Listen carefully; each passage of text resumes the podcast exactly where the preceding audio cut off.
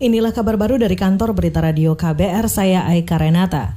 Lembaga Kajian Pusat Kajian Anti Korupsi Pukat UGM mendesak Presiden Joko Widodo melarang menterinya menghadiri rapat di DPR untuk pembahasan sejumlah rancangan undang-undang RUU kontroversi selama pandemi COVID-19.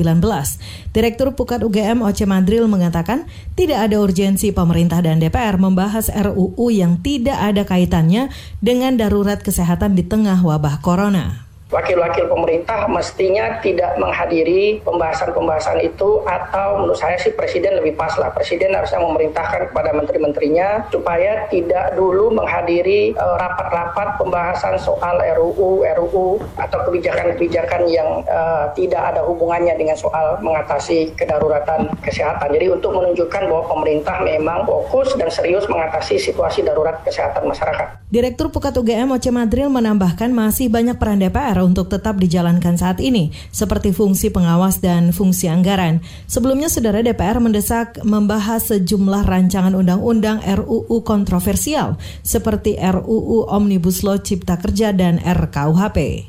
Kita beralih, Saudara Komisi Nasional Hak Asasi Manusia Komnas HAM meminta kepala daerah turun langsung mengedukasi masyarakat agar tidak memberi stempel negatif pada korban COVID-19. Anggota Tim Pengkajian dan Penelitian COVID-19 Komnas HAM, Kania Rahmanureda mengatakan hal itu menanggapi maraknya diskriminasi terhadap keluarga, pasien positif, petugas medis hingga jenazah pasien COVID-19 berbagai eh, organisasi keagamaan juga telah memberikan pernyataan seperti dari Majelis Ulama Indonesia, Gereja Oikumene dan beberapa organisasi keagamaan lainnya yang juga telah mengeluarkan pernyataan untuk tidak menolak jenazah pas, pasien COVID-19. Kemudian juga diperlukan dari pimpinan daerah yang memberikan edukasi bahwa stigmatisasi itu sebenarnya memberikan keresahan kepada masyarakat. Anggota Tim Pengkajian dan Penelitian COVID-19 Komnas HAM Tania Rahmanureda menambahkan, saat ini tidak cukup bagi hanya pemuka agama saja yang mengedukasi masyarakat. Kepala daerah dan tokoh masyarakat juga harus menjelaskan ke masyarakat mengenai isu COVID-19. Banyaknya hoax yang beredar terkait korban COVID-19 juga harus diluruskan. Jika tidak, maka penolakan atau diskriminasi terhadap korban COVID-19 akan terus bertambah. Kita beralih, Saudara Kementerian Pekerjaan Umum dan Perumahan Rakyat PUPR merealokasikan anggaran sebesar 24,5 triliun rupiah untuk penanganan COVID-19.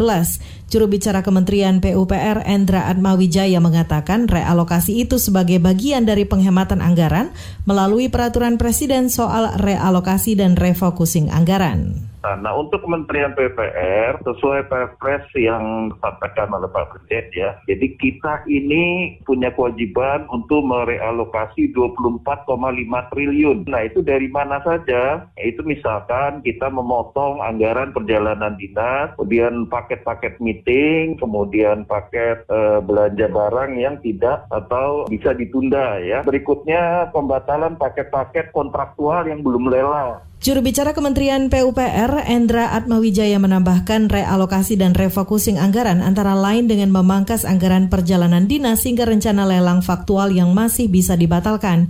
Anggaran untuk kegiatan non-prioritas tahun ini juga akan digeser ke tahun depan. Kita berlanjut, saudara pasien positif COVID-19 di Indonesia mencapai 3.293 orang. Juru bicara pemerintah untuk penanganan COVID-19 Ahmad Yuryanto mengatakan DKI Jakarta masih menjadi lokasi penambahan kasus terbanyak.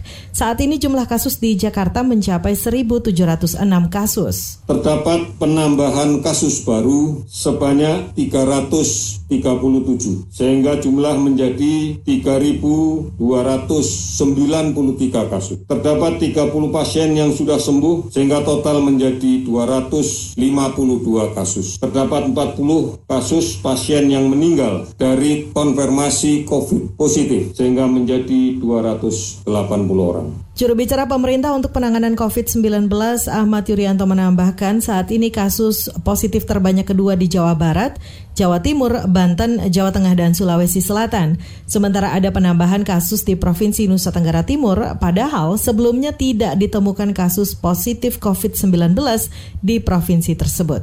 Demikian kabar baru dari kantor Berita Radio KBR, saya Aika Renata.